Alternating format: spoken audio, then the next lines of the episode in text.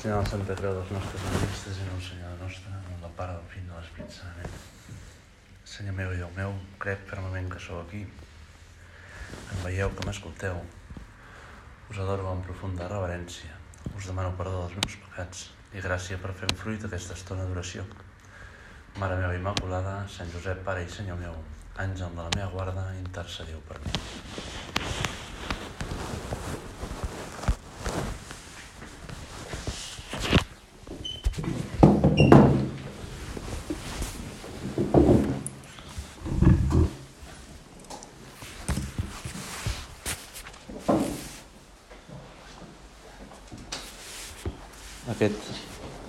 Aquest estiu, quan estava de curs anual, va venir a, venir a veure un noi de Terrassa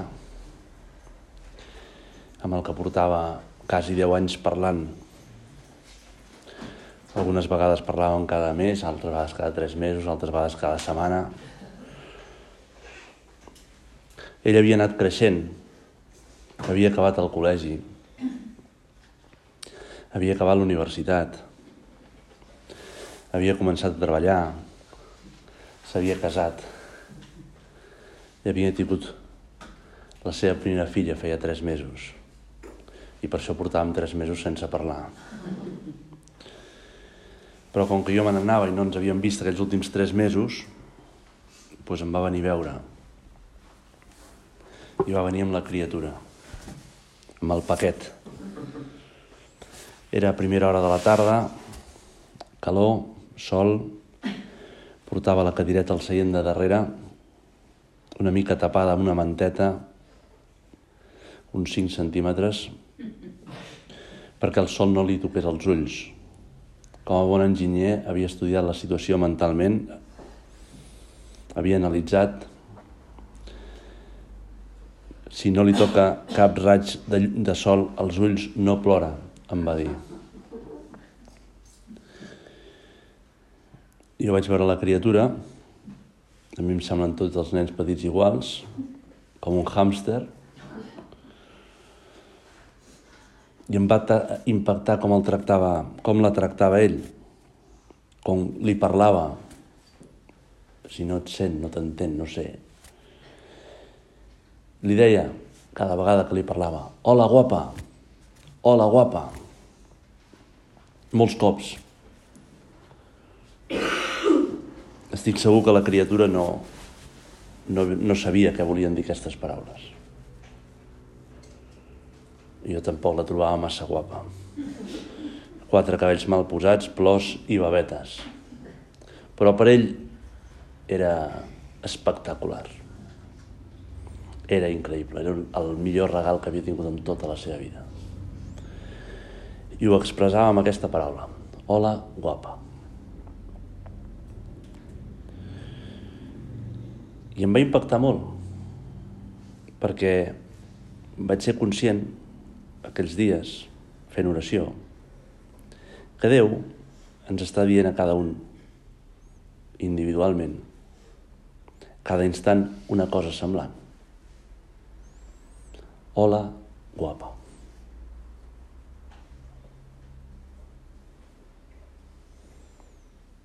I jo no m'ho mereixo gens.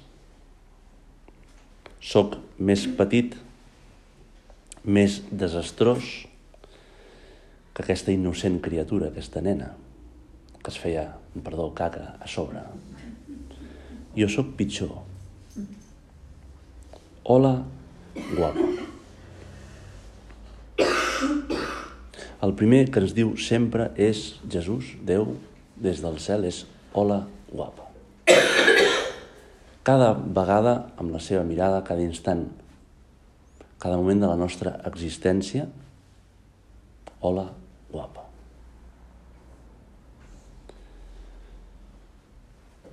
I ara, davant del Senyor, penso com és, que és com una gran injustícia de cara injustícia amb l'amor de Déu, que jo no me n'adoni del que m'està dient. I més, jo, Senyor, que et coneixo, que et conec, que sé que em mires, que sé que estàs al sagrari per mi, que he palpat tantes vegades el teu amor. És com una gran injustícia cap al teu amor, que jo no me n'adoni de com m'estàs mirant, de com se t'accelera el cor quan veus el que faig, quan veus com rectifico quan he fallat, quan veus com torno a lluitar quan he caigut. Quan et miro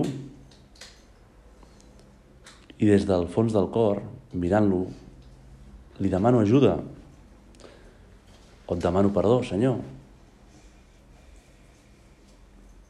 Quina gran injustícia amb el teu amor, Senyor, que jo m'atabali més en fer coses. Perquè a vegades, en vez de ser conscient d'aquesta mirada de Déu, em centro més en el que haig de fer. A vegades inclús en el que haig de fer per mereixer això, que em diguis guapa, no? Miro tant això, aquesta part de l'equació, que no me n'adono que és gratuït i previ a la meva resposta. Una de les muntanyes més altes dels Pirineus es diu Vinyemale, està sobre Lourdes, a una vall que és molt famosa, que diu Cavarní. I per una banda es pot pujar molt bé, però per l'altra és molt escarpada i només ho pugen els grans escaladors. Té una paret molt atractiva pels escaladors perquè és molt llarga. És molt alta la muntanya, és un 3.300. Nosaltres volem pujar per la part escarpada, mereixen-nos el teu pirabó, quan per l'altra banda es puja caminant. Guapa ens centrem massa en la part escarpada de la vida. El nostre esforç, la lluita, lluita per correspondre, per, per estimar-te, per tornar-te l'amor, i no ens parem prou a mirar el teu amor previ. Quantes vegades miro més el que faig, el que haig de fer, no m'aturo prou a escoltar el que em diu, no?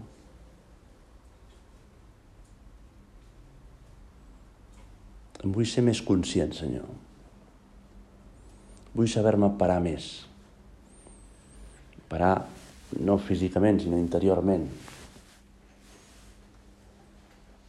Déu que allarga les mans per donar-nos un superregal,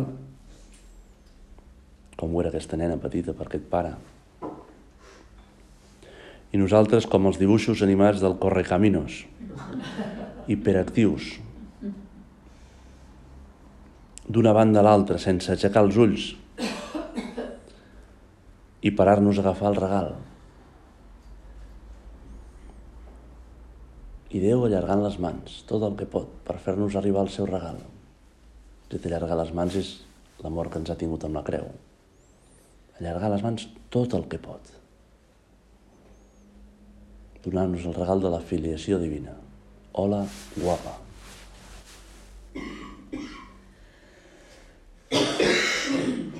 I penso que quina tristesa deu inundar el seu cor immens quan no me n'adono de com ho diu, del to, de la tendresa, de la importància per ell. Depèn del meu amor. Depèn de la meva mirada. Com omplir el cor d'aquest pare una miradeta de la seva filla petita.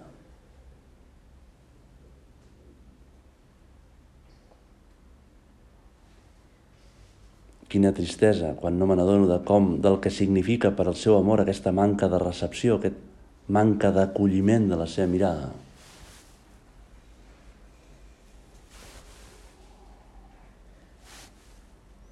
Igual que aquest nou pare, que qualsevol senyal de la seva filla de tres mesos el reconegués ja era prou per totes les nits de vella, les angoixes, els mals de caps, els ais de cor que havia patit, una petita mirada, un minúscul senyal de reconeixement de la seva veu. Ja en tenia prou. Com aquests pares que la seva filla pronuncia per primera vegada el, seu, el, el nom papà. O li sembla que ja l'ha pronunciat quan ha dit bé. I mira, ja diu el meu nom. I diu, no, tu estàs inventant.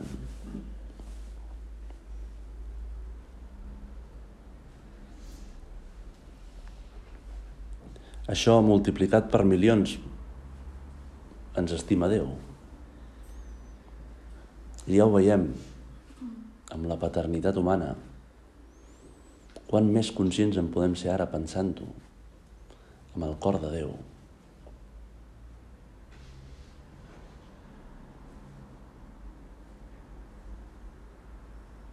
Només em ve el cap i el cor demanar perdó per no ser més conscient.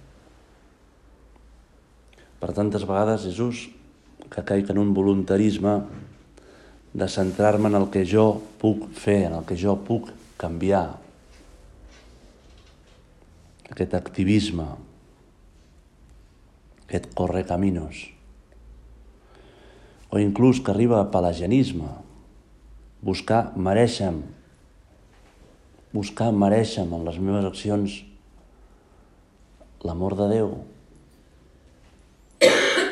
i entrar en un diàleg amb Déu com iguals. Do ut des, faig perquè tu em facis. Tu em fas perquè jo m'ho he merescut. Així de gran soc. Pelagianisme.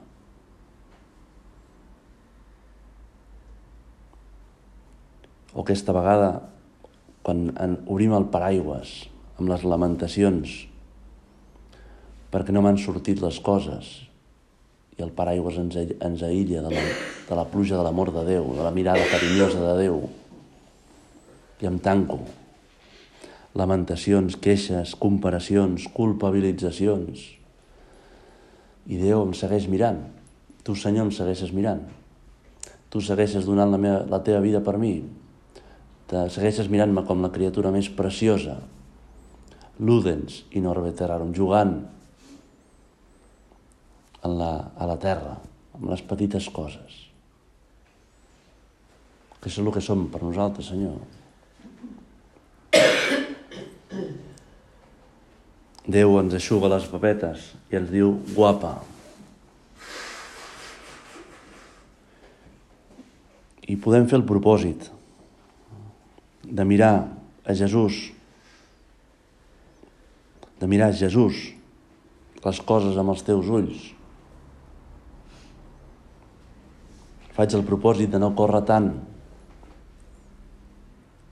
interiorment, tants pensaments, tanta hiperactivitat de coses que penso que haig d'arribar, que haig de fer. També a vegades exteriorment.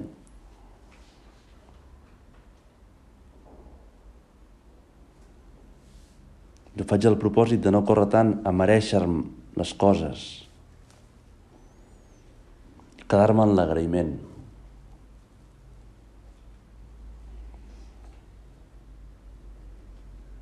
Aprofitar els moments morts que tinc, un ascensor, per on, per esperar, per entrar a un lloc, vez de treure el mòbil i mirar els whatsapps, pues, deixar el mòbil allà on està i mirar el cel i veure el carinyo de Déu. Adonar-me més de la teva mirada, Senyor.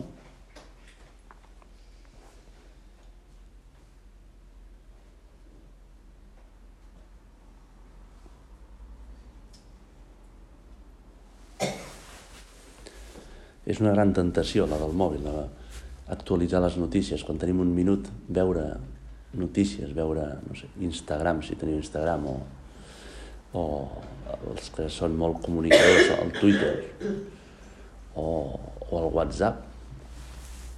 M'hauran dit alguna cosa aquest segon que ha passat. Diu, sí, sí t'han dit alguna cosa. T'han dit guapa. I tu has dit la persona més important, la que guarda tota la creació i no està al mòbil.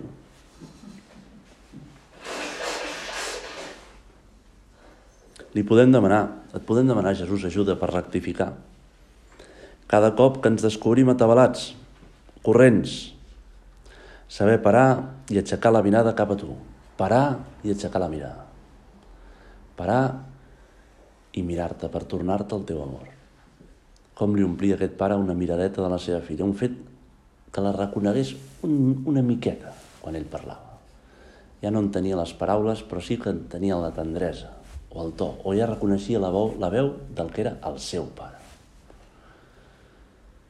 Parlava jo i com si plogués per la nena. Però el seu pare era el seu pare.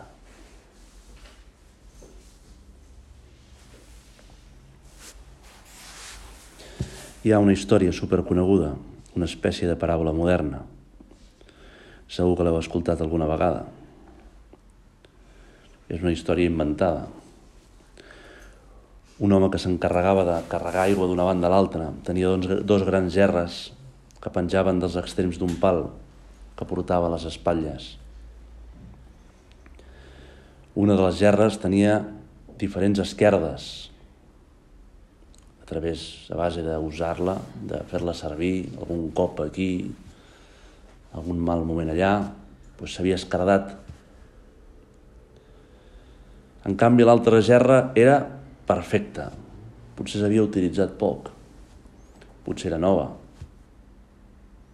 La qüestió és que la gerra perfecta conservava tota l'aigua. I en canvi la gerra imperfecta, l'escardada, doncs perdia l'aigua pel camí.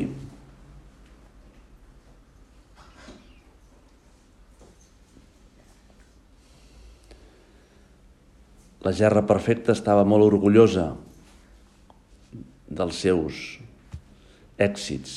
Ja veieu que això és una història, perquè les gerres no poden estar alegres. Com que són les sis i mitja del matí, doncs potser s'ha d'explicar més bé, no? La gerra estava perfe la perfecta estava orgullosa. Se sabia perfecta pel fi pel que havia estat creada. Li sortia tot bé. La pobra gerra escardada estava molt avergonyida de la seva imperfecció. Se sentia miserable perquè només podia fer la meitat del que suposava que era la seva obligació, perdia la meitat de l'aigua.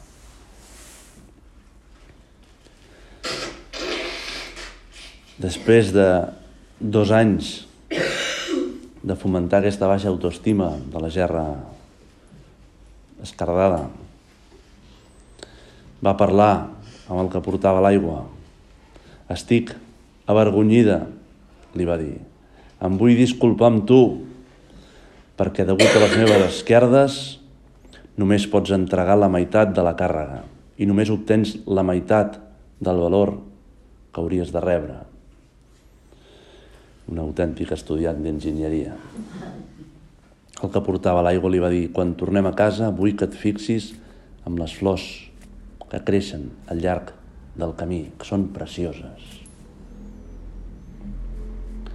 Aquesta gerra, a part de parlar, també podia mirar. I ho va fer. I, de fet, va veure moltes flors meravelloses al llarg de tot el camí. Però es va sentir inundada una altra vegada per la pena, la tristesa, perquè havia tornat a perdre la meitat de l'aigua. Pels fallos, per la imperfecció. El que portava l'aigua li va dir no te n'has adonat que les flors només creixen al teu costat del camí. Sempre he sapigut de les teves esquerdes. Vaig sembrar llavors de flors al llarg del camí, però on vas tu? Tots els dies les has regat amb l'aigua que perdies. Només han crescut al teu costat del camí, perquè l'altra gerra no tirava aigua. I jo per dos anys he pogut recollir aquestes flors. Si no fossis com ets, no hagués estat possible crear tota aquesta bellesa. Aquesta última frase és molt interessant, no? Si no fossis com ets, és Déu qui ens ha escollit. És Déu qui ens ha volgut per la missió tal com som. No ha escollit una gerra perfecta, infal·lible. Déu ens ha escollit Déu haurà plantat les llavors. que les reguem a través de les nostres imperfeccions rectificades, de les nostres defectes lluitats, i creem aquesta bellesa que veu Déu. Per això ens diu guapa, hola, guapa. Ens ha escollit sabent com som, les esquerdes que tenim, rectificant, descobrim la seva mirada, li donem més glòria, més flors que la gerra perfecta. Si no fossis com ets. Això és una veritat molt profunda. Rectificant, lluitant, tornant-nos a aixecar, demanant perdó, no deixant entrar la culpabilitat, la culpabilitat o l'orgull ferit, no deixant entrar el dimoni, el banyetes, que ens vol aixafar en les misèries, que ens vol desanimar, que ens vol entristir. Mirant-te, Senyor, creu més bellesa de la que hagués pogut crear si no tinguis les errades.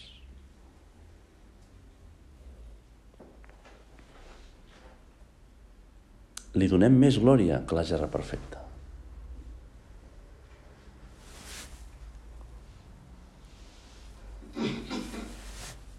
Ahir, al matí, fent oració, vaig trobar una classe del pare a Sevilla, al maig. Comentava, suposo que la trobareu a les publicacions internes, i si no, ho sento molt. Comentava la carta sobre la fraternitat, i comença, igual que la carta de la fraternitat, parlant de l'amor a Déu que arriba fins a l'entrega, fins a donar-se del tot per l'altre. No? I després dius que la carta, a part de moltes possibilitats que tenies, va centrar en quatre temes. El primer era la comprensió, el segon era el demanar perdó, el tercer era el servei i el quart era un, diu, un conjunt de coses. No? Diu que a part d'aquestes n'hi ha moltes més, però que la carta vaig centrar-me en aquestes. No? I va tornar a començar aquesta classe parlant de la comprensió. Després d'aquesta introducció va, va parlar de la comprensió i va explicar que la comprensió amb aquesta frase del nostre pare, la caritat més que en donar, un servir, està en comprendre. Però va dir, la comprensió a vegades és, és comprensió davant de, la, de les coses dolentes dels altres. I diu, això no és el que jo volia explicar a la carta. És comprensió vol dir abraçar l'altre com és, abarcar l'altre, entendre l'altre, comprendre, no? Entendre l'altre tal com és. I, dius, I això implica que l'altre és sobretot coses positives i potser sí, que també és una gerra escardada que té algunes esquerdes, no? Té alguns fallos, però sobretot abarcar l'altre com és. Fixar-se en lo bo dels altres. I deia en concret perquè quan ens fixem en lo bo dels altres, quan veiem una cosa negativa és quan l'encomanem. Resem per ella. I en canvi no ens quedem allà, encallats. I vaig pensar que quan ens n'adonem més que Déu ens mira i amb tendresa ens diu guapa, quan més i més ens n'adonem, també més i més direm nosaltres a les que ens envolten, guapa. Quan més siguem capaços, Jesús, de parar-nos, descobrir la teva mirada carinyosa, la mirada de Déu Pare, per la, font de, per la llum de l'Esprit Sant, més serem capaços de transmetre aquesta alegria i aquest mirar lo positiu dels altres, aquest dir-li guapa, quina passada, quina meravella, m'has preparat el sopar, està calent el sopar, m'has aguantat la porta, m'has obert la llum abans de que entrés. Quina passada, aquests detalls.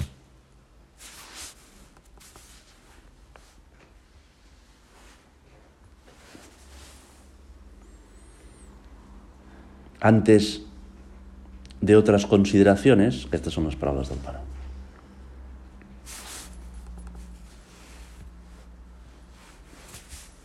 Perdó. En el lenguaje ordinario, el término comprender se aplica sobre todo a aceptar los defectos, las limitaciones ajenas, a no escandalizarnos de los errores de los demás. Pero quizá nos olvidamos con frecuencia de que la comprensión es mucho más.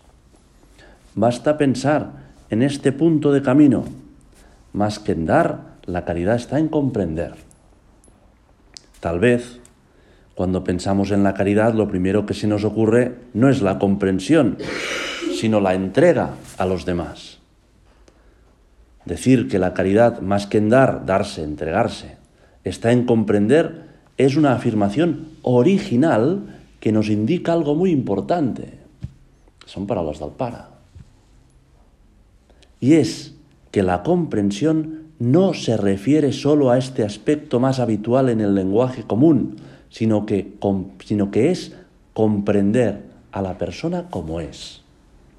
No solo en sus limitaciones, en sus defectos, sino en sus virtudes, en sus cualidades. Es procurar conocer de verdad a la persona en todas sus dimensiones. Por tanto, somos comprensivos con los demás cuando, al verles o al pensar en ellos, lo primero que nos viene a la mente es lo que valen sus cualidades sus virtudes y no tanto sus defectos.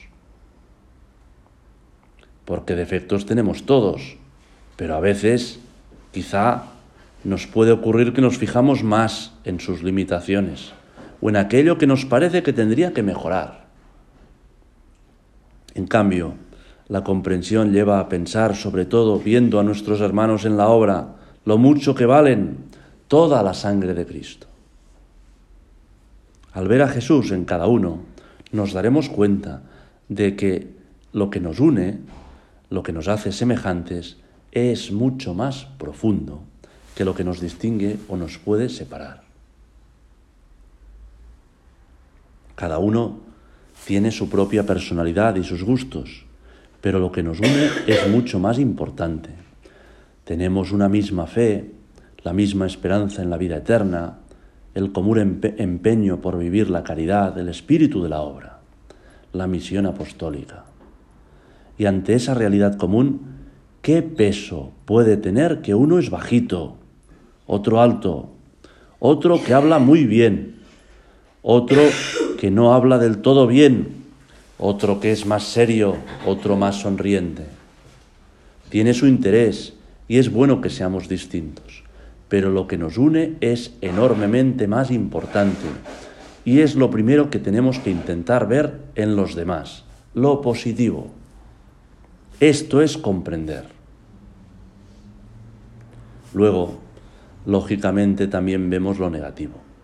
Pero cuando hay comprensión, notar los defectos no es un movimiento de disgusto o algo que nos separa, es algo que nos mueve a rezar, a hacer propio, a hacer propio el empeño de ese hermano nuestro en mejorar en ese punto concreto y ayudarle con cariño.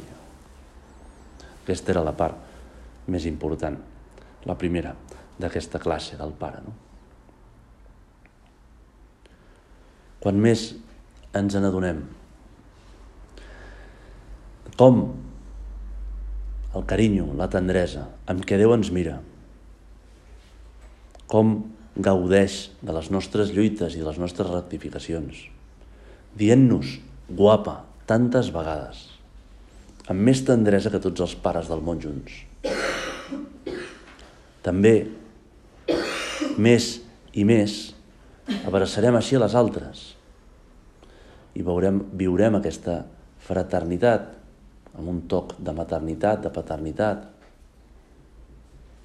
Més direm a les que ens envolten guapa. Més ens fixarem en les coses positives de les altres. Més les comprendrem. La caritat més que en donar està en comprendre. Per això acabem la meditació demanant al Senyor ser capaços això de beneir a les altres. A vegades pel carrer trobes aquests sud-americans que et diuen Padre, bendición. Padre bendición és un costum de Sud-amèrica, que és que es creuen un mossèn i no sé exactament què significa això de bendició. Suposo que és donar-los la benedicció. Jo diu algunes paraules i ja està, no? Padre bendició, però és maco, es diu, beneir vol dir benedicere, dir bé de les altres, no? I així acabem nosaltres, demanant la Mare Déu que siguem persones que beneeixen, que diuen benediccions, que van bé, parlen bé, benedicere, diuen bé de les altres, pensen bé de les altres. Li demanem a la Mare Déu, Mare Nostra, Regina Operis Dei, que sapiem dir guapes a les altres. Us dono gràcies, Déu meu, pels bons propòsits, efectes i inspiracions que m'heu comunicat en aquesta meditació. Us demano ajuda per posar-los per obra. Mare meva Immaculada, Sant Josep, Pare i Senyor meu, àngel de la meva guarda, intercediu per.